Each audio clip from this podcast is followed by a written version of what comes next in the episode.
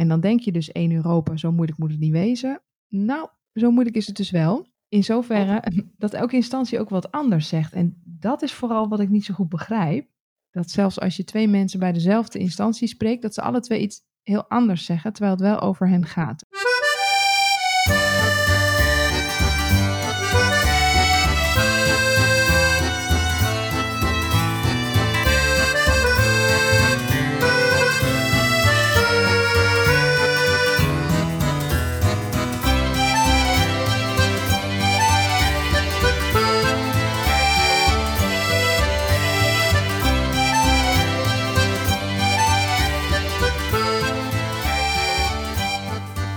Welkom bij Doei Nederland, de podcast over vertrekken uit Nederland om in een ander land te gaan wonen.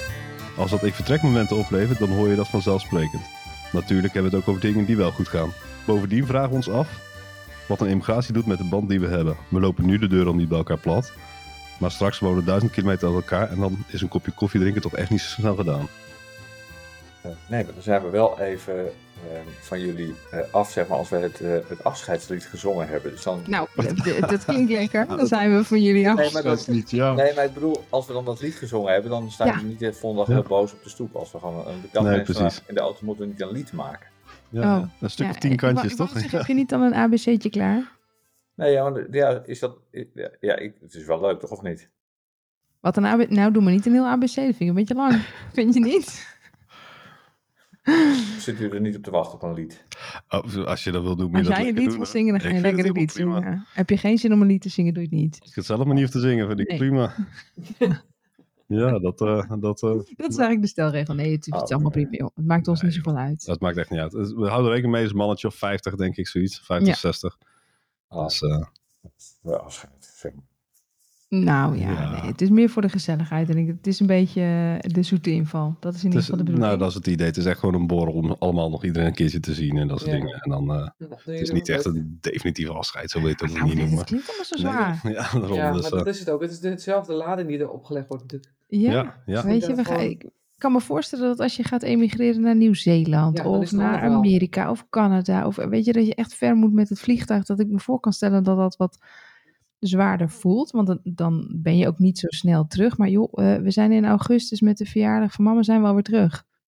Dus ja, ja. Nee, dat is ook zo. En als je in Frankrijk zelf woont en je gaat uh, van de regio Nancy, ga je naar, uh, weet ik veel, naar de Côte d'Azur, is het ook ja. duizend kilometer. Ja, daarom. Dan blijf je ja, zelf precies. Ja. ja, dat is net een beetje de lading die je zelf geeft, denk ik. Ja, daarom. Nee, precies. Ik had het er laatst over. Ik was uh, laatst uh, weekend uh, met vriendinnen even een nachtje weg. Gewoon even uh, zonder mannen en kinderen, uh, gewoon even lekker met elkaar. Ja, en uh, Eva zei heel treffend van ja, weet je, we, we, lopen nu inderdaad, wat bij ons ook al is, de deur niet bij elkaar plat, maar we hebben wel af en toe contact. Ja, weet je, we kunnen zo'n weekendje ook gewoon plannen als ik terug in Nederland ben en dan, ja, klinkt wat, ja. wat onaardig, maar feitelijk merk je dan niet echt dat je zo ver weg woont. Nee, nee, nee, en dat is ook gewoon zo. Dat... Het is meer het idee in je hoofd, denk ik. Ja. Dat je, je weet nu gewoon van, als ik nu in de auto stap, ben ik over anderhalf uur bij jullie. Ja, dat is en niet dan meer. moet je gewoon uh, tien uur erover rekenen. Ja. Nee, je hebt, Ja. je, hebt, je hebt natuurlijk de dingetjes als, als uh, vrienden die zeggen, joh, zullen we vrijdagavond even een spelletje doen? Nee, dan even heen gaat. Ja, en dat, dat gaat dat, soort niet. dingen, dat gebeurt dan niet meer. Maar, nee, ehm, dat zul je even met Ja, andere is dat het einde van de wereld? Nee, dat denk ik ook weer niet. Nee, nee. Nee, zien we elkaar nooit meer op nu. Nee. Ik denk dat jullie het op een gegeven moment ons misschien nog wel vaker zien dan, dan dat je het nu doet, omdat je Ja. er veel bewuster van bent en Ja. veel bewuster mee bezig bent. Dat denk ik ook, ja. Dus dat zou maar zo kunnen dat het allemaal heel erg meevalt. We vonden Ja. het Maar gewoon uh, een goede reden om gewoon eventjes... eh, de Even lekker bij elkaar. leeg, zie ik. Wat zeg je? De spelletjeskast is al Ja. aardig leeg. die is al... Ja, we zijn echt nu begonnen met, Ja. eh, met inpakken. Ja, het is, het is eh, ook nog maar, het is minder dan vier weken. Hè? Het Ja. is net iets Ja. minder dan vier weken. Dus het, het gaat zo ontzettend snel nu, moet ik zeggen. Het gaat nu ineens heel hard. Dat we- snel. Ja. De, de, de zenuwen beginnen al een beetje te komen. Ja, niet de Oh. zenuwen van spanning of zo, maar van echt alles wat je moet doen en moet regelen en inpakken. En, heb ik daar wel aan gedacht en ik daar wel aan gedacht. Want ja, Ja. je moet wel proberen alles op een jullie rijtje te er nog wel hebben. goed uit. Ik dacht, ik zie echt twee hele moeie mensen, maar... Nou, Valt mee, hè? Jullie waren Dat zo druk. Oh, ik, ik had echt een beetje medelijden met jullie zelfs. Oh, Ja. nou ja. Wel goed Nee, hoor. het, is, het is natuurlijk leuk, maar je moet, je moet zoveel regelen. En toen dacht ik, oh god, Ja. het gaat allemaal wel goed. Ja, nee, je moet inderdaad wel veel regelen. En op een gegeven moment, eh, ja, ik ben wel een beetje van de lijstjes. Ehm, Noh. soms een beetje te veel van de lijstjes misschien. Maar ja, ik merk ook wel dat je, de- de- je moet jezelf daar ook niet mee gek draaien. Op, op een gegeven moment Nee, komt dat het ook wel zo. weer goed. Weet je, en als je iets Ja. vergeten bent of iets niet gedaan hebt, Nee, ja, je moet de belangrijke dingen geregeld hebben. Maar ja, Als, je- als je lijstjes van je lijstjes gaat maken, dan heb je een probleem. ja. Ja. Op een gegeven moment dacht ik, nee, nu heb ik te veel lijstjes. Nu zie ik door de lijstjes, zeg maar, de, de lijst, de lijst. lijstjes ja, ik ga er even Nee. mee ophouden. Met die Het is wel lijstjes. grappig toch, dat in één gezin een heel blauw iemand kan zijn en een heel geel eh, rood iemand. Ja, Ja, dat kan ja. toch? Ja, zeker. Nou, dat ja. is grappig. Nou, het grappige is, het voordeel ervan is dat je dan wel een heel erg balans creëert eigenlijk. Hè? Want je, als je het goed doet, dan, creëer, dan kom je uiteindelijk toch op een soort middelmoot in het midden terecht uit. Ja. En dan, Ja. dan dat Wij, precies wij je zouden zijn. een mega goed team zijn, eh, jij en ik, Ewout. Eh, ja, dat denk ik ook. Ja. Ja. als ik iemand heb die lijstjes van me maakt, dan ga ik alweer, zeg maar. Nou, precies. precies. Dus eh, nee, wat dat betreft eh, komt het allemaal wel weer goed. Nee, ik ben een beetje opgehouden met te veel lijstjes maken. Nee, het, is, het, het belangrijkste is dat je wel een beetje overzicht blijft houden voor Dat jezelf. vind ik wel dat is het belangrijkste. En, en daardoor moet je voor jezelf ook een beetje een soort paar soort hokjes maken. Je, maakt. je hebt het fysieke wat je in huis moet doen eigenlijk. Je hebt het, eh, hetgene wat je letterlijk moet regelen. Dus de organisatie die eromheen zit met verzekeringen, weet ik het wat, Ja. allemaal dat soort dingen. En dan heb je natuurlijk ook nog je werk daarnaast wat nog loopt. En dan nog het stukje van de kinderen. En dat Ik zijn eigenlijk zeggen, allemaal... je kinderen nog, je gezin. Ja, Ja, dat zijn allemaal losse dingetjes die je eigenlijk, ja, die moet je gewoon eventjes individueel zien en dan daar Ja. een soort plan voor maken. En dan, dan kom je er wel. En volgens mij bij veel dingen, Ja. bij veel dingen is het al duidelijk en nog een paar dingetjes. eh, en soms eh, strepen lijstjes zichzelf ook af. Want Ja. op een van mijn lijstjes stond onder andere dat ik nog eens even aan de elektricien moest vragen. Goh, wanneer de beste man nou van plan was om te beginnen. Nou, was wel klaar. Had ik, nou, nou, dat dan ook niet. Maar toen eh, nam hij zelf contact op eh, eh, om te zeggen dat hij eh, op een bepaalde dag ging beginnen. Dat hij ook meteen de warmtepompboiler ging plaatsen. En eh, toen dacht ik, nou, Nou, mooi, Dat ik niks aan gedaan. te gaan. dat is voor Streep. is dat best... eh, nou Nou, ja, ik vond het proactief eigenlijk Ja. wel. ja. Ja. Dus daar, hadden we, daar hebben we wel eh, vertrouwen in. En de, de tuinman die, eh, die, die appte op een gegeven moment. Zeg, eh, ik, ik reed langs jullie huis en het gras stond weer heel hoog. Eh, moet ik nog iets voor jullie doen? Ik zei, nou, graag. als je tussen nu en 5 juli nog even twee keer komt maaien. Oh, dat is goed, dat doe ik wel. Oh, wat lief. Dus ehm ja, daar moeten we gewoon voor we betalen. moeten er wel voor betalen. Maar Oh, oké. maar dat maakt niet uit. Nee hoor, maar dat is wel Nee. fijn dat als je aankomt... dat je niet meteen twee dagen achter die grasmaaier eh, hoeft te ploegen. Dat je gewoon gelijk Maar- twee dagen aan andere dingen kan besteden. Ja, dus Precies. we hadden twee, eh, twee, proactieve, eh, twee proactieve dorpsgenoten... of bijna dorpsgenoten te pakken. Dus daar was ik heel Ja. blij mee. Dat is Ja. leuk. Ja, en hoe Ja. gaat het met eh, de elektricien? Ja, het gaat goed. Hij is lekker bezig. Hebben we nog geen klachten gehoord Hoe over ver die- problemen? Hoe ver die exact is, ja, dat is dan misschien weer net een hele Nederlandse vraag om te gaan stellen. Ja, weet Dat je, weet je, stemt wel dingen af, maar hoe het uiteindelijk werkelijk wordt en wat dergelijke, ja, dat zullen we straks wel zien, denk ik. ik denk, Ja. ja, dat eh, als Ja, de contacten eh, ongeveer op zijn plek zitten, ben ik al blij zat. Nou ja, we, Ja. we hebben het echt uitgemeten, op de muur aangetekend. Dus Lijstjes ik, ik heb opgehangen. hem duidelijk aangegeven. Als je het niet snapt, dan moet je het even zeggen. Ja, en verder denk je, je moet die man dan verder ook niet te veel op zijn nek gaan zitten.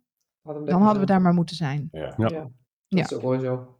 Dus we proberen Maar- sommige dingen ze aan, dan heeft hij het huis van de buren gedaan. Nou, het, nee, ja. Nee, het, het voordeel is wel is dat we wel met hem hebben afgesproken. Zie, kijk, hij krijgt, krijgt nu niet alles gedaan in de tijd. Maar hij zorgt wel dat een groot deel van de basis klaar is.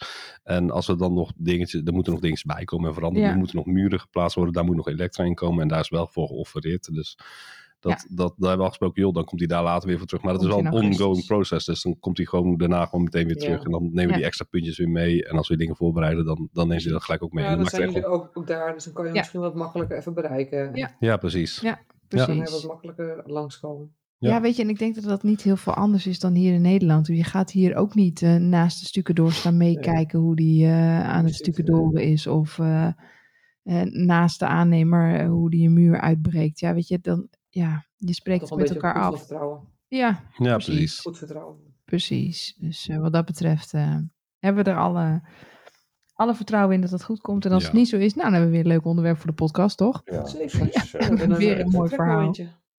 Hebben we weer een mooi ik-vertrekmomentje. En hoe is het bij jullie? Nou, wij zijn allemaal wel... eh, het is een beetje drukkig hier. Ja, We zijn gisteren eh, bij het theater geweest met z'n tweetjes. Leuk. Waar zijn jullie heen geweest? Caprera. Het Ah. Openluchttheater. Naar Kijk. Erik van Huiswinkel. Ah, Oh, leuk. Erg leuk. Ging over de Nederlandse taal. Was wel ook wel wat voor jullie geweest, denk ik. Ja, oh leuk. Klinkt leuk. Ja. En, Lekker. eh, ik heb een reunie van mijn vorige werk gehad, van de kaakchirurgie.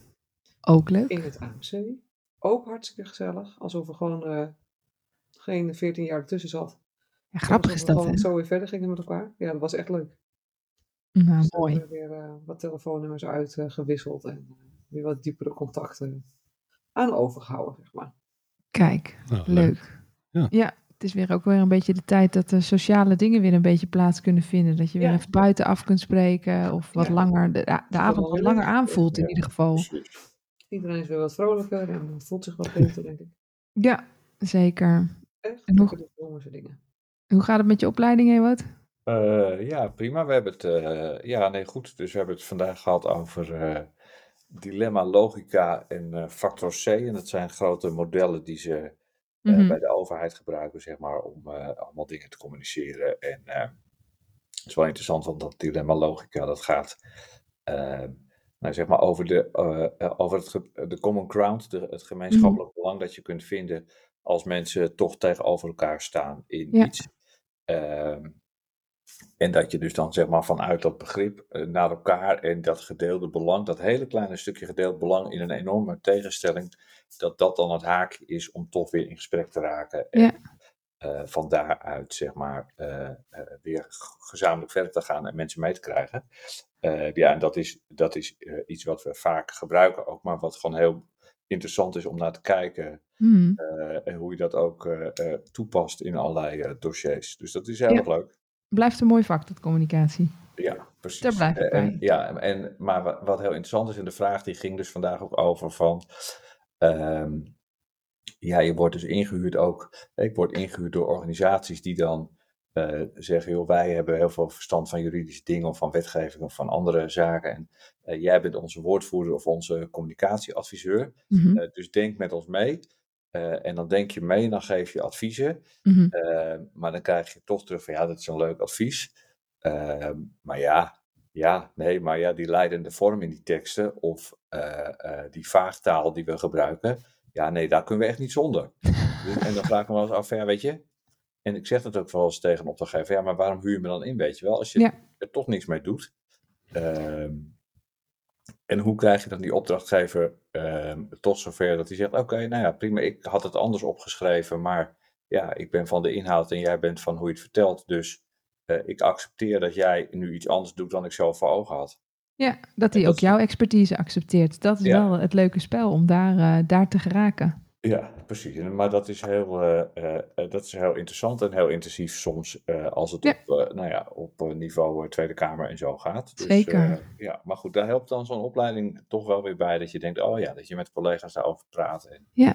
eh, Maar nou ja, dus- wel heel interessant inderdaad. Ik vind het altijd wel, eh, wel boeiende materie.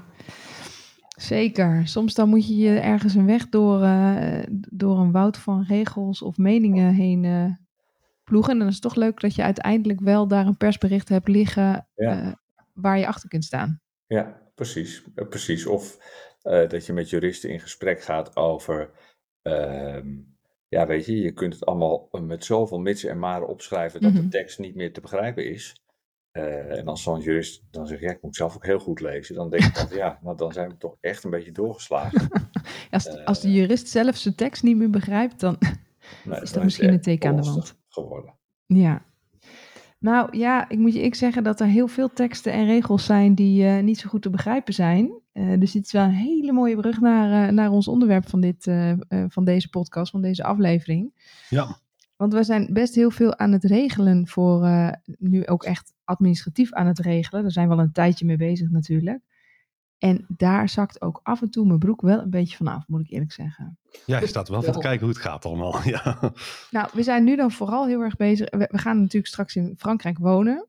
Ehm, en dan ben je in Frankrijk belastingplichtig, want je verdient daar je geld. Op Ja. zich denk je, nou, lijkt me vrij logisch. We nemen alleen ons Nederlandse werk mee. Ja, en dan denk je dus 1 Europa, zo moeilijk moet het niet wezen. Nou, zo moeilijk is het dus wel. Oh, In zoverre dat elke instantie ook wat anders zegt. En dat is vooral wat ik niet zo goed begrijp.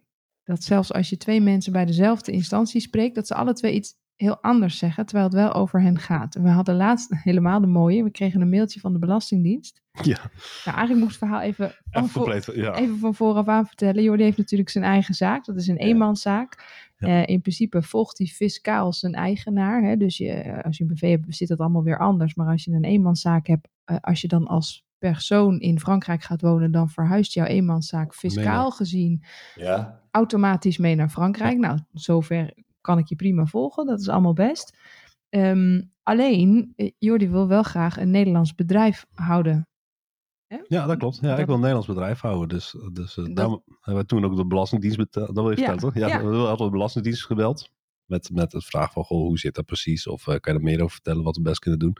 En toen heeft die man gezegd, of die persoon die we gesproken Ja. hebben, die zegt van, weet je wat je moet doen? Je moet even een brief eh, samenstellen waarin je vertelt wat je vragen zijn, wie je bent, wat je bedrijf is en dergelijke. Maar- En die moet je eventjes naar de Belastingdienst buitenland sturen.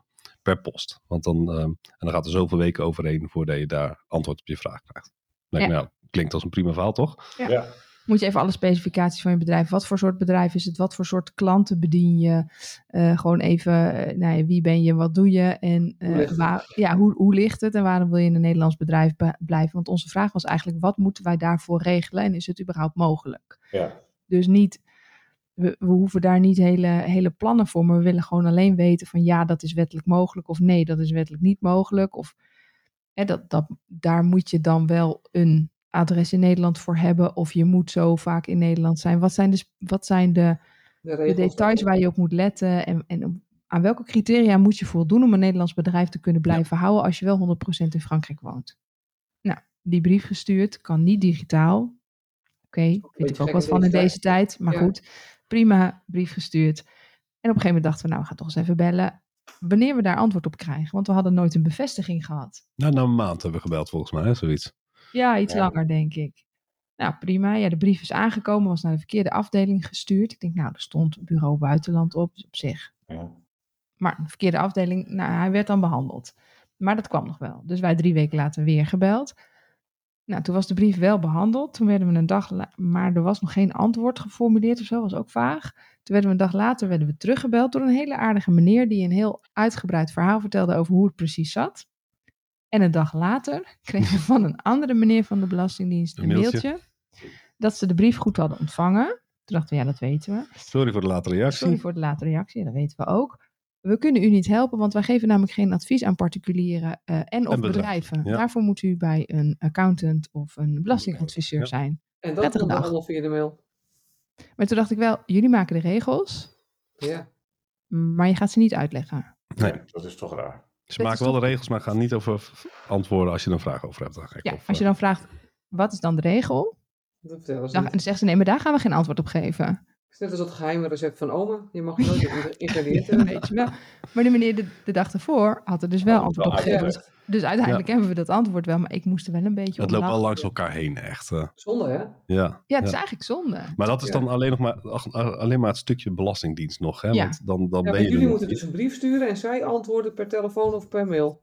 Ja, Dat is toch ook... ja, ik vind het een beetje raar dat ik het bij mezelf hou. Nou ja, het telefonische antwoord was ook door het feit dat ik eh, volgens mij een paar dagen geleden weer gebeld heb om te vragen van joh, hebben jullie al gekeken naar die brief en krijg je nog een Ja. antwoord? En toen hebben ze gevraagd, wil je dat een collega terug laat bellen? oh, dat hebben ze wel in gevraagd. Dat Ah, hebben ze kijk. gevraagd en toen zei ze, dat is prima, dan mag hij mij op dit Ja. nummer terugbellen. En toen denk ik, later ben ik door een collega teruggebeld weer. Ja, en, Ja. Het, en het antwoord was prima. Die meneer Ja. was hartstikke netjes. maar ik moest er wel een beetje om lachen dat we dan de dag Ja, daarna dan weer een mailtje krijgen dat we eigenlijk geen antwoord krijgen wat we wel hebben gehad. Ja. Goed, de, de computersystemen van de Belastingdienst, eh, Ja. en waarschijnlijk ook dit systeem waar ze dat in- allemaal in bijhouden, of jullie wel of niet teruggebeld zijn, die staan natuurlijk niet bekend als zijnde Zeer accuraat. Nee, zo, zeer accuraat. nee, dat is waar. Nou ja, dit was daar dus weer een mooi. Kijk, eh, we hebben hier totaal geen last van gehad. Hè. Laten we dat even voorop stellen. Maar ik moest er wel een beetje om lachen. Dat ik lachen, ja, het, het is zo zonde. Weet je, het, het hoeft niet. Nee, gaat het bij andere instanties eh, beter? Nou, ja en nee. Want eh, we zijn er inmiddels wel zo achter dat eh, eh, waar, je waar je woont, moet je natuurlijk belasting betalen. Maar waar het geld vandaan komt, heeft dan ook nog weer invloed. Want ik hou mijn Nederlandse dienstverband. Ik ben in loondienst. Ik hou mijn Nederlandse dienstverband. Maar of ik dan. Ik, ik word natuurlijk voor de loonbelasting moet ik in Frankrijk zijn. Maar of ik Ja. dan in Nederland nog sociale premies moet afdragen, dat schijnt toch ook een vrij ingewikkeld verhaal te zijn. En dat is Want wel interessant, want als je namelijk sociale premies blijft afdragen, dan blijf je dus ook eh AOW en pensioen Ja. opbouwen. Ja, Precies. Ja. en nog belangrijker, dan hou je je verzekeringsplicht in Nederland. Je zorgverzekeringsplicht. Dus dan moet je een Nederlandse zorgverzekering houden. Of een internationaal erkende zorgverzekeraar. Dus als je dan wat hebt, moet je ook naar Nederland. Nee, dat Nee. hoeft dan weer niet. Oh, dat hoeft dan weer niet. Nee, want die Nee. vergoeden zeg maar eh, maximaal het Nederlandse tarief. Dus je moet natuurlijk wel goed kijken of je in Frankrijk niet bij een veel te dure dokter terechtkomt. Ja, en, en je moet dan wel, het is dan wel een restitutiepolis natuurlijk, omdat ze geen afspraken hebben met de Franse zorgverleners. Dat snap ik Mhm. ook allemaal wel. Ehm, maar dat is dus nog wel, en dat is, niet een, dat is geen keuze. Dat is niet dat ik kan zeggen, ja, maar ik wil graag in Frankrijk of ik wil graag in Nederland. Nee, daar, Zo is het gewoon, dat is de regel. nee, wij dachten gewoon simpel, wij bellen even onze zorgverzekeraar om te zeggen dat we gaan immigreren en hoe we dat moeten regelen. Nou, dat opende een heel blik aan extra instanties die we moesten bellen en ingewikkeld en lastig. Uiteindelijk kwamen we bij de SVB uit. Hè, de Sociale, Verzeker- Verzekeringsbank. de Ja. Sociale Verzekeringsbank, die besluit, die, die neemt een beslissing over of jij verzekeringsplichtig blijft in Nederland of niet. Ja. En dat heeft natuurlijk weer gevolgen voor de uitbetaling van je loon. Moet je werkgever die Ja. premies inhouden of niet? Het vervelende van dit soort dingen is, als het verkeerd wordt gedaan, dan kun je er niet altijd op rekenen dat je te veel betaalde premies terugkrijgt. Dus het is wel even belangrijk dat je dit goed uitzoekt. Ja. Want als je weer verkeerd afdraagt in het verkeerde land, krijg je daar weer een boete over. Nou, dat is allemaal gedoe. Toen had ik een mevrouw bij de Sociale Verzekeringsbank aan de telefoon die het haar fijn wist uit te leggen. Die zei, nee hoor, u heeft loon uit Nederland, hè, Nederlands loon. Ja. Dat betekent dat je dus ook recht hebt op een Nederlandse zorgverzekering, omdat wij gaan besluiten dat jij in Nederland, niet in Nederland werkt, maar wel een Nederlandse baan hebt. En dat is kennelijk een nuanceverschil, want ik klap in Frankrijk mijn laptop open. Ja. Maar tegelijkertijd is er ook een nieuwe telewerkwet en een nieuw. Nou ja, ze hebben tijdens corona hebben ze da- dat allemaal een beetje losgelaten. Normaal gesproken moet je belasting betalen en ben je ook verzekerd in het land waar je daadwerkelijk fysiek werkt. Dat zou in dit Ja. geval Frankrijk zijn. Alleen tijdens corona hebben ze dat losgelaten. Maar aan de hand daarvan weten ze natuurlijk dat er steeds meer mensen thuis werken en steeds Ja. meer mensen telewerken. Dus gaan ze een verdrag maken met allerlei Europese landen. ehm, dat je maximaal 50% van je tijd ergens anders mag werken. Maar ik werk 100% in Frankrijk. Dus dat Ja. was ook weer lastig en ingewikkeld. Maar die mevrouw was er heilig van overtuigd. Ze zei: nee, je werkt voor een Nederlands bedrijf. Maar dan moet je een, een aanvraag doen. Dan kun je een aanvraag doen bij de, bij de SVB om ze daar een uitspraak over te laten doen. Ja. Maar vervolgens zei de accountant van het bedrijf waar ik werk: ja. Maar eigenlijk, ik wil dat eigenlijk ook wel graag even in de regels terugzien wat jij nu zegt. Want het is een mooi verhaal, maar volgens mij klopt het niet. Dus toen heb ik weer de SVB gebeld. Toen kreeg ik een andere mevrouw aan de telefoon die een 180 graden gedraaid verhaal vertelde. En zeiden, nee, je werkt niet in Nederland. Je werkt namelijk fysiek in Frankrijk. Dus moet je in Frankrijk je premies afdragen. Dus, nou ja, we, Ja. Willen, we willen het allemaal best heel graag goed regelen. Maar het is wel fijn als de instanties die de regels Ja. maken... ze ook zelf even helder hebben. Ja, en dan de- heb je dus nog niet gebeld in Frankrijk met de vraag van, joh, ik ben verplicht in Nederland verzekerd, kan ik van u ontheffing krijgen om geen Franse verzekering te hebben? Nee, daar ben ik nog niet aangeland, nee. Nee, Nee, Fra- Frankrijk hebben we nog niet gehad. E- Eerst proberen we Nederland Nee, ik dacht, laat te ik, maken. laat ik eerst even... Dus we hebben nu dat Wat onderzoek een bij de... aan regels, joh, dan. Och, dat is nog niet alles. Nou, maar ja, kijk, nou goed, weet je... Wil je nog wij- emigreren? Ja, we willen heel graag emigreren. Oh. En, en, maar wat mij gewoon zo verbaast, is wij zijn niet de eerste en zeker ook niet de laatste die dit doen. Waarom is dit zo ingewikkeld? Ja, dat bedoel ik. Ik ga naar Frankrijk. Ik ga twee grenzen verderop. Ik ga niet naar een land waar we geen verdrag mee hebben, waar nooit iemand naartoe gaat. Ik En is er bedoel, niet een site voor jullie waar je dit soort dingen kan vinden van mensen die al geëmigreerd zijn? Nou, je hebt wel sites, maar de meeste zijn voor pensionara's of voor mensen die naar het buitenland emigreren en daar ook gaan werken. ja, Oh, ja. Niet echt specifiek voor mensen. ja, Wat- er is een website nederlandwereldwijd.nl. Ja. Eh, weet Ja. ik toevallig omdat ik daar ook wel eens in het communicatieteam heb gezeten.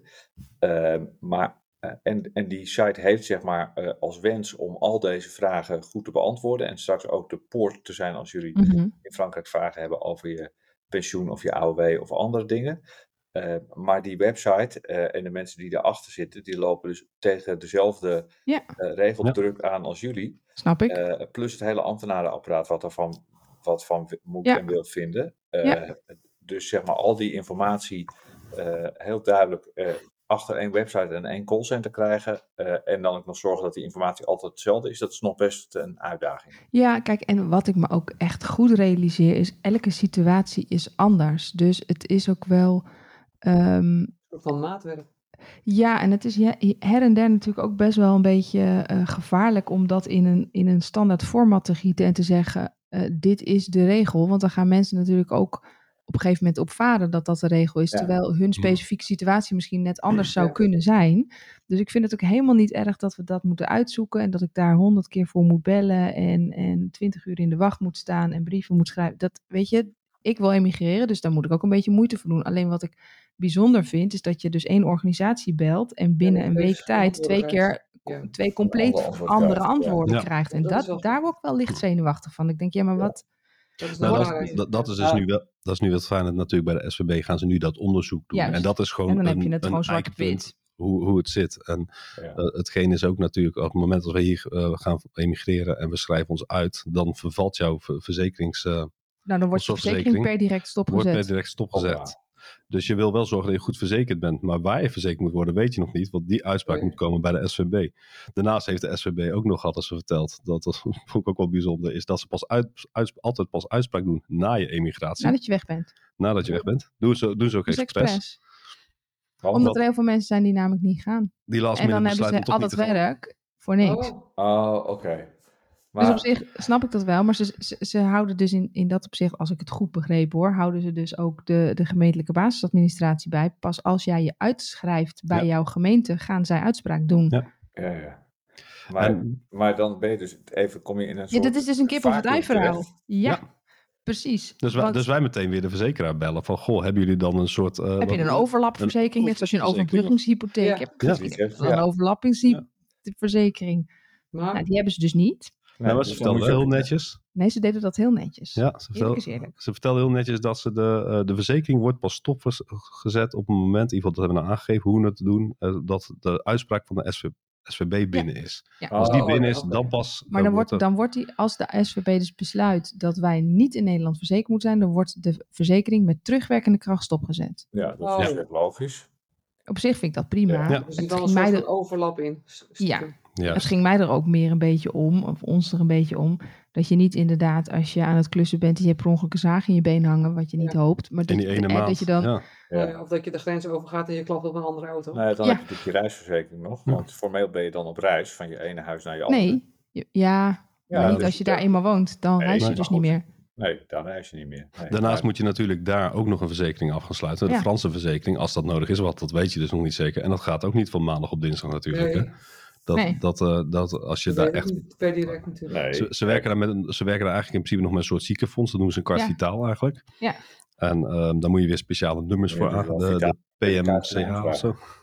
Bepaalde nummers hebben aangevraagd en dergelijke allemaal. Maar er gaat best wel wat geregeld bij zitten volgens mij. Omdat echt... eh, Je moet een sociaal-fiscaal nummer hebben in. Frankrijk om een carte vitale aan te kunnen vragen. En die carte vitale, dat is inderdaad wat wij hier vroeger een soort van ziekenfondsverzekering Ja. hadden.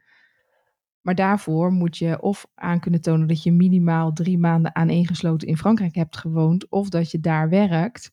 Maar om aan te kunnen tonen dat je daar werkt, moet ik eerst belastingaangifte hebben gedaan. En dat Ja. kan- pas aan het eind van het kalenderjaar. Dus Oh. ik kan niet in augustus aantonen, jongens, ik wil hier een carte vitale aanvragen. En dan zeggen ze, dat is leuk, wacht u nog even drie maanden.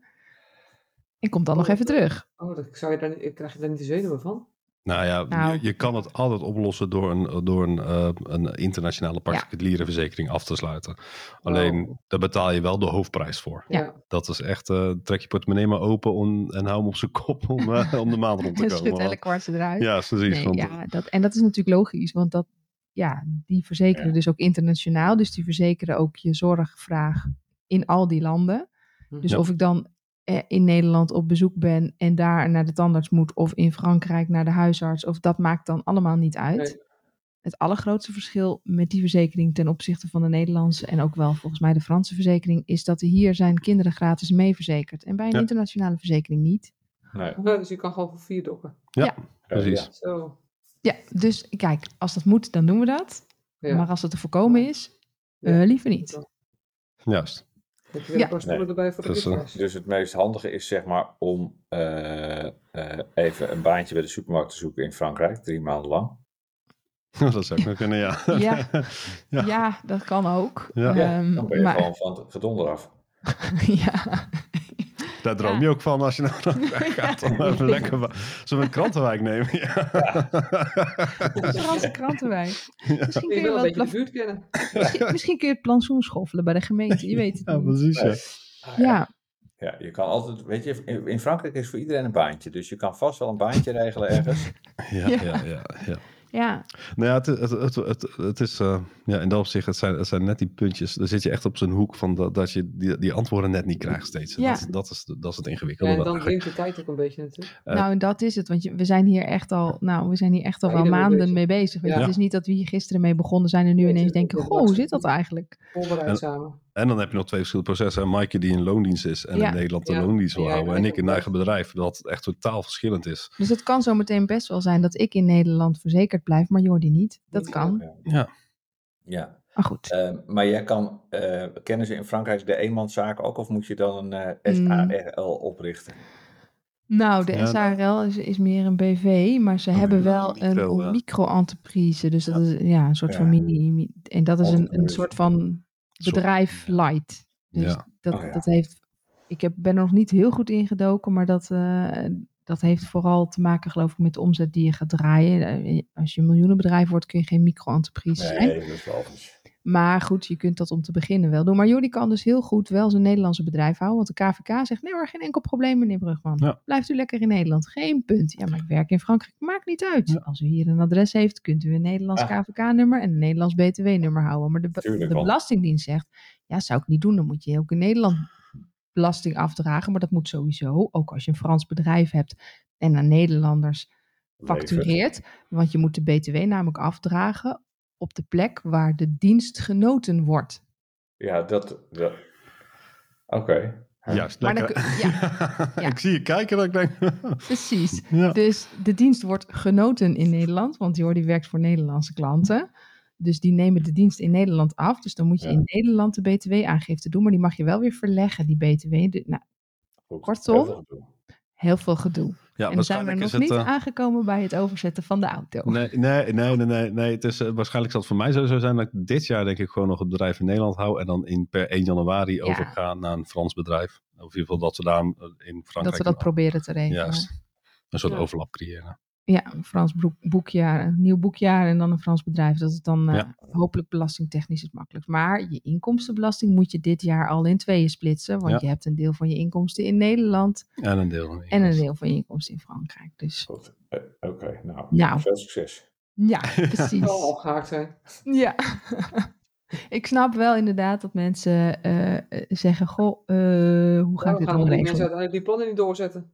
Ja, dat snap ik ook wel. Ja, als je dit allemaal moet regelen, mijn god. Ja, maar goed, Nou ja, maar dit kijk, is dan er ook wel... Ja. Kijk, er zijn ook heel veel mensen die eh, huis en haard achter zich verbranden en dan in Frankrijk gaan wonen met een zak cent en denken we zien wel en we gaan een B&B beginnen en dan zien we wel. Maar dan is het een stuk makkelijker, want dan Ja. heb je Ja. een Frans bedrijf. Juist. Eh, ja, maar jullie willen nou niet eh, dat ik vertrekmoment creëren door huis en haard hier achter je te verbranden, maar denken ja, we hebben Ja. ook hier een goed lopende toko, dus we gaan gewoon daar met de laptop zitten. Ja, Ja, tuurlijk. Ja. Als, eh, eh, eh, ja, Het is wel leuk voor de luisteraars, denk ik. Want het is inderdaad altijd wel wat te zeggen van op televisie zie je altijd maar de leuke dingen.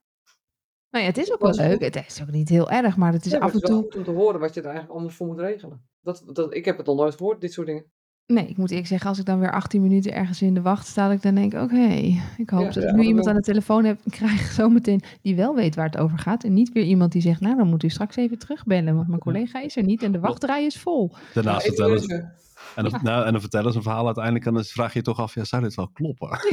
Ja. Ja, Is dit wel waar? dat is dan weer onze Nederlandse, Ja. onze Nederlandse insteek, dat je dan af en toe denkt, hmm, volgens mij klopt dit niet. Hmm, Maar dat is onze eigen wijzigheid misschien. Het komt uiteindelijk allemaal best wel goed. tuurlijk. Maar je moet, eh, je moet niet papierschuw zijn of, of regeltjes moe. Want dan wordt het een beetje ingewikkeld. Maar goed, het komt allemaal best wel Nou, goed. jullie zien er nog goed uit. Nou, dankjewel. het komt ook allemaal wel. Ja. Ja, Oh, jawel. jawel. Maar eh, dit is wel eh, zo'n puntje dat ik dacht, ja, had van mij anders gemogen. Ja. Ja, nou ja je, je weet niet wat je moet verwachten daarvoor. Hè? Ik denk dat dat... eh, Nee, maar net wat ik net aan het begin ook al zei. Ik vind het zo apart. We zijn niet de, niet de eerste, niet de nee, dat enige. klopt. Ja. Ja. Nee, het is gek dat je dat dan weer opnieuw het wil moet uitvinden. Nou, vooral omdat je dus eigenlijk ehm, financieel gezien juist een stabielere overstap maakt. Dan de rest. Ja, precies. Ja, misschien is dat ook wel een beetje in mijn eigen straatje gedacht. Maar Ja. ik denk, ja. Ik heb een inkomen, ik neem een inkomen mee. Dus hoe, wat, wat is nu het Ja. probleem? Precies. Ik blijf mijn eigen broek ophouden. Dus hoezo Ja, je zou dus ook zeggen, in het kader van de Europese gedachte van je mag overal wonen en overal werken, doe niet zo moeilijk. Maar zou ja, dit heel makkelijk te regelen moeten zijn. ja, Ja. maar dat is niet Ja. zo. Maar dat is dus niet zo.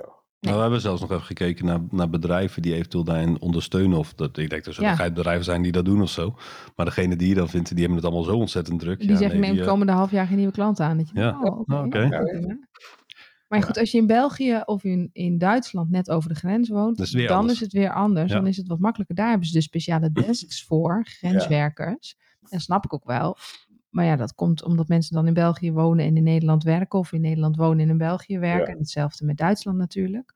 Dus daar hebben ze dat wel wat, eh, wat beter voor eh, in kaart, denk ik. Maar dit... ehm, maar ik denk, ik verwacht ook wel als we het hier, weet je, als je hier over vijf jaar nog een keer naar kijkt, denk ik dat het heel anders is. Want ik denk dat corona dit, dit best een Ja. sweeper heeft gegeven. Ja, ja, kijk, je, je Ja. kan ook eh, voor een deel dit bij de kop pakken en denken van, hé, hey, eh, eh, hier gaan we ons bedrijf van maken, want we zijn niet de enige die hier tegenaan Nee. Laten we eens kijken of we hier ook andere mensen mee kunnen helpen. Nou ja, het, het- Nee, dat het- is wel zo, maar aan de andere kant, we zijn geen juristen, we zijn geen Nee. fiscalisten. Nee, maar die kan je inhuren. Jullie zijn van de marketing, dus je kan gewoon Ja. een maken voor je product en dan doe je de Ja. fiscalisten gewoon in. ja, ja, dat precies. kan. Ja, dat zou kunnen. Ja, Dat kan. zou kunnen. Dat Ja. kan. Wie weet. Nou, als we helemaal niks meer te doen hebben daar en uitgeklust zijn en Dat gingen we dit. Precies. onze werkgevers zeggen, we zijn er, eh, er klaar mee met dat telewerken van jullie, dan eh, is dit eh, misschien een mooi business, eh, businessplannetje. Bijvoorbeeld. Nou, Ja. Wie weet wie weet. Wie weet. Nou ja, Wie weet. Goed, we gaan naar het eh, recept, want dat hebben jullie ook nog uitgezocht. Ja, zeker. Ik had namelijk eh, onlangs eh, heel erg zin om te bakken. Ja. Nou is dat er helaas Ook nog niet. tussendoor.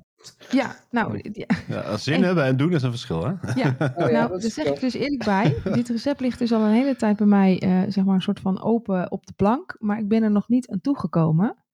En dat vind ik wel heel erg jammer, want ik heb er wel eh, heel erg zin in. En eh, dat is een eh, recept uit, nou, het is een heel bekend recept. Nou, ik heb dan van jullie onder andere de Bijbel van de Franse keuken gekregen, van Alain Caron.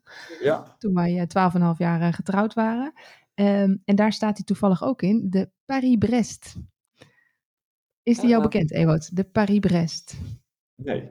Nee, ik De Paris-Brest. Nee, het zegt mij even, ja, Parijs heeft natuurlijk wel wat en Brest ook, maar wat het dan samen is niet. Nee, een Paris-Brest is, een, eh, is eigenlijk gewoon een taart van soesedeeg. Ja, Ehm, een soort van hele grote donut. eh, meestal eh, zo'n, nou, formeel is het tussen de 20 en de 30 centimeter in doorsnee. Maar iedereen doet het natuurlijk op zijn eigen manier. En dat je van soesedeeg een, een kring spuit en, en afbakt. Die snij je dan horizontaal door en die vul je vervolgens met crème. Dat is traditioneel gezien een pralinecrème, maar het kan ook met bakkers, banketbakkersroom of met, eh, eh, met slagroom natuurlijk. Ehm, ja, en soesedeeg, dat, eh, dat kent iedereen misschien wel of misschien ook niet. Maar als je ooit eens heel Holland Bakt hebt gekeken, dan weet je dat dat altijd het hoofdpijndossier van, van de beginnende bakker is. Ehm ja, gaan dingen in als volle melk, roomboter, bloem, eieren. En dat moet je allemaal kloppen. Je moet dat precies op de juiste temperatuur garen. En ehm, goed luchtig kloppen. Maar het leuke van die Paris-Brest is, het is, het is echt een feestelijke taart. ehm, die eh, eh, in Frankrijk ook heel veel gegeten wordt. Ook in allerlei ehm, regionen. Ehm, echt eh, ook als een, als een goed dessert wordt, wordt gezien. En hij is ook best wel groot. Er zit wat, wat amandelschaafsel overheen. En ik zie die heel vaak en ik denk, oh, daar heb ik dan altijd heel erg zin in. Maar wat ik er vooral heel erg grappig aan vind, is dat het eigenlijk een, een tribuut is, een, een, eh, een, een, een buiging Eerbetoon. eigenlijk, een eerbetoon, dat zeg je goed inderdaad, Ja. eh, naar een wielerwedstrijd. Namelijk de wielerwedstrijd Paris-Brest-Paris. Ja. Ja, daar heb ik nog nooit van gehoord, maar die wordt ongetwijfeld verreden. nou die wordt zeker verreden. Die eh, is in 1891 voor het eerst verreden, eigenlijk als een soort van promotiestunt voor een, eh, voor een krant. Ehm, en het is eigenlijk de allereerste lange afstands wielerwedstrijd, want hij is 1200 kilometer ehm, ter wereld. En eh, die werd, dat was zo'n groot succes, dat wilden ze elke tien jaar doen. En na twee edities. naar eh, jullie toe. Nou ja, bijna wel inderdaad. Nou, het is dus inderdaad Paris-Brest-Paris. Eh, en die is in 1891 dus voor het eerst verreden. En in eh, 1910 was er een, een bakker uit de Maison Lafitte. Dat is een dorpje eh, ten westen van Parijs, waar dus ook de route bijna langs eh, kwam. Ehm, Louis Durand heet de man. En die, ehm, die was gevraagd om een, eh, om een dessert of om een taart te maken ter ere van, van deze wedstrijd. En die dacht, weet je wat ik doe? Ik maak een taart in de vorm van een, Wiel. van een wiel, van een fiets. En dat werd eigenlijk zo, ehm, zo ontzettend populair. En ook, dat is ook wel grappig, de, de, de wieler, wielrenners zelf vinden het ook een heerlijke taart, omdat er heel veel calorieën in zitten. dat kunnen ze best wel gebruiken in zo'n eh, in zo'n wedstrijd. Inmiddels wordt die wedstrijd niet meer professioneel verreden. hè. Dat is eh, tot 1951 geloof ik eh, ongeveer. Is dat professioneel, was dat een professionele wedstrijd voor professionals. Maar sinds 1931 is het ook een, een wedstrijd die door amateurs kon worden gereden. En dat gaat nog wel steeds door. Zeker, Dus, die eh, begint over 72 dagen, 17 uur, 50 minuten en 6 seconden. namelijk want in 20 augustus. 2009, ja, in, ja, want in, eh, in, in 2019 is hij voor het laatst eh, verreden. En nu wordt hij elke vier jaar verreden. Ja. Ehm, in plaats van elke tien jaar. En wat ik vooral ook heel erg frappant toen ik hier een beetje induk. Ik vond het een fascinerend verhaal. Wat ik gewoon grappig vond. Die allereerste race met professionals. Eh, daar waren nog renners die reden op, eh, echt op houten banden. Ja. En er waren ook een aantal renners die reden al op luchtbanden. En dat was het grote verschil. Die hadden wel eh, onderweg eh, af en toe een, eh, een lekke band. die ze dan moesten plakken, want ze moesten alles zelf meenemen. Dus ze moesten hun eigen fiets verzorgen. Ze moesten op hetzelfde fiets beginnen en eindigen. Ze moesten hun eigen eten meenemen. Grappig. Ehm, de winnaar heeft er destijds 71 uur en 16 minuten over gedaan. Toen op die luchtbanden. Eh, en in 2019 was de amateur die won eh 43 uur en 49 minuten bezig. Dus dat is bijna de helft. Dat is bijna het helft, ja. Ik vond Ja. het wel weer heel Ja. erg grappig. Dus, eh, dus dat is de Paris-Brest. En eh, nou, ik hoop dat het er eh, binnenkort van komt dat ik hem echt kan gaan maken. Want het is namelijk heel erg lekker. Ik heb er wel zin in hoor. Ja. Ja, ik heb hem ook wel eens gegeten. Het is goed. echt heel erg lekker. Nou, het kan natuurlijk ook een van de traditionele desserts zijn die jullie straks in de eh table d'hôte gaan, eh, eh, gaan Serveren. serveren. Het zou zomaar kunnen, kunnen zijn. Want eh, ik, eh, ik vind soesedeeg altijd eh, heel erg lekker. Zeker weten. Dus, ehm, Paris-Brest de Dus wie- Corrèze. Dan geef je een, nou ja, een ingrediënt bij jullie uit de streek, voeg je er nog aan toe. En dan maak je weer een nieuwe variant op de Paris-Brest. dat zou zomaar kunnen, ja. Inderdaad, Dat zou zomaar kunnen. Siri zegt inderdaad, inderdaad. Ja, die vindt het een goed idee. Dus eh, dat zou zomaar kunnen. Ik zal, eh, ik zal even een eh, linkje in de show notes zetten naar het recept van Heel Holland Bakt van de, van de Paris-Brest. Want ook Robert van Beckhoven heeft hem wel eens gemaakt. Gemaakt. Ja. Iedereen heeft hem wel eens gemaakt, denk ik. Maar dat is in ieder geval een helder eh, te volgen recept. Dus eh, als iemand hier nou honger van heeft gekregen, dan eh, verwijs ik je Ja, graag naar de show zeker. notes. De volgende podcast die we gaan opnemen, eh, dat is de laatste die eh, we opnemen in deze setting dat jullie Ja. in eh, Nederland zitten. Ja, dat klopt. Ja. Eh, Absoluut. Eh, eh, en we zien elkaar natuurlijk ook in ieder geval nog eh, op jullie afscheid. Ik denk dat we dan eh, iets van een bosse bollen of zo eh, toch moeten eten nog. Of eh vruchtse flikken, of ik weet niet wat jullie georganiseerd hebben. Maar ehm Komt helemaal goed, jongen. komt Komt. goed. Hoef je niet druk op te maken hoor. Nee. Worstenbroodjes. Worstenbroodjes, Oh nee, ja. dus Kaas, kaasblokjes en eh zilveruitjes. Nee, komt helemaal goed. Zilveruitjes. Ja, oh, en ik heb nog ehm, ehm, niet per se een luisteraarsvraag, maar wel een vraag waar ik zelf nog over nadacht. De, toen ik van de week eh, eh, met het pak hagelslag in mijn hand stond. Van, nou ja, ik eh, mis dan soms dingen uit Frankrijk. En eh, ik denk, oh, als ik er weer ben, moet ik even dit kopen of even dat kopen. Ja, Ehm, dus ik vind het leuk als jullie even nadenken over de vraag van wat gaan wij nou uit Nederland het meeste missen. En dat we het dan daar volgende keer ook even over gaan hebben. Nou, vind ik een hele goeie. Dat is een goed plan. Dat is een Ja. goed plan. We gaan Zullen we dus eens over nadenken wat wij eh, in eh, grootverpakking gaan inkopen eh, voordat we weggaan. Ja, precies. Ja. Dat lijkt me een hele goeie. Oké, nou leuk. Fijne Goed. avond dan nog. Fijne avond. Ja, Tot jullie de ook. volgende. Doei. Doei.